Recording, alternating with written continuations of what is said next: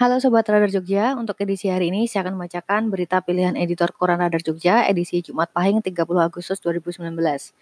Untuk edisi hari ini, editor Koran Radar Jogja memilih berita berjudul Operasi Patuh Progo 2019 fokus 8 pelanggaran lalu lintas. Gunakan ponsel saat berkendara, ditilang.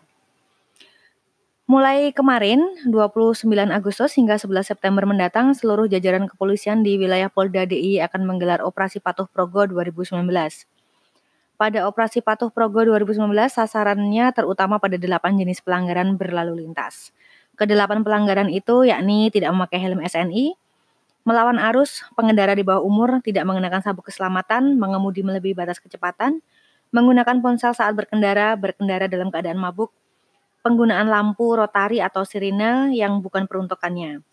Menurut Wakil Kepala Kepolisian Daerah Wakapolda DIY Brigjen Pol Karyoto saat apel gelar pasukan Operasi Patuh Progo 2019 di halaman Mapolda DIY kemarin, dia menyampaikan bahwa nantinya 60% adalah represif dan 20% adalah preemptif, sedangkan 20% lainnya adalah preventif.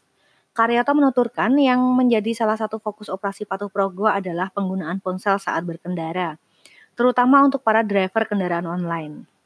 Ini jadi masalah karena nantinya akan ditanyakan ke Dirlantas bagaimana kajiannya. Menurut mantan Wakapolda Sulawesi Utara itu, saat berkendara diperlukan fokus dan konsentrasi yang tinggi agar tidak menimbulkan kecelakaan dan kerugian. Menurutnya, sekarang orang berkendara dengan gadget dan konsentrasi terpecah. Kalau GPS mungkin masih bisa karena ada panduan jarak seperti 500 meter jalan lurus. Dan yang betul-betul akan ditilang adalah yang menelepon saat berkendara.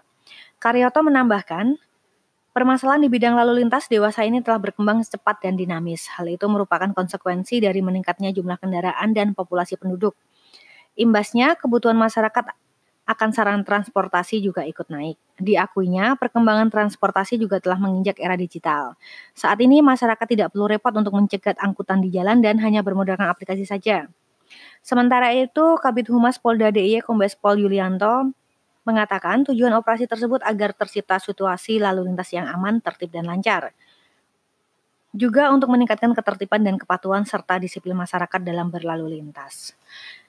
Berdasarkan data operasi patuh Progo 2018 pada 26 April hingga 9 Mei 2018, tercatat ada 51.012 pelanggaran. Mayoritas pelanggaran didominasi roda 2 dan polisi juga mengeluarkan tilang sebanyak 34.186 perkara.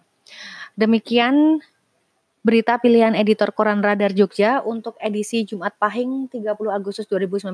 Untuk informasi lebih lengkapnya bisa membaca Koran Radar Jogja maupun di website kami di radarjogja.co maupun di radarjogja.jawabos.com. Oke, sekian dulu podcast untuk edisi hari ini. Sampai ketemu di podcast selanjutnya.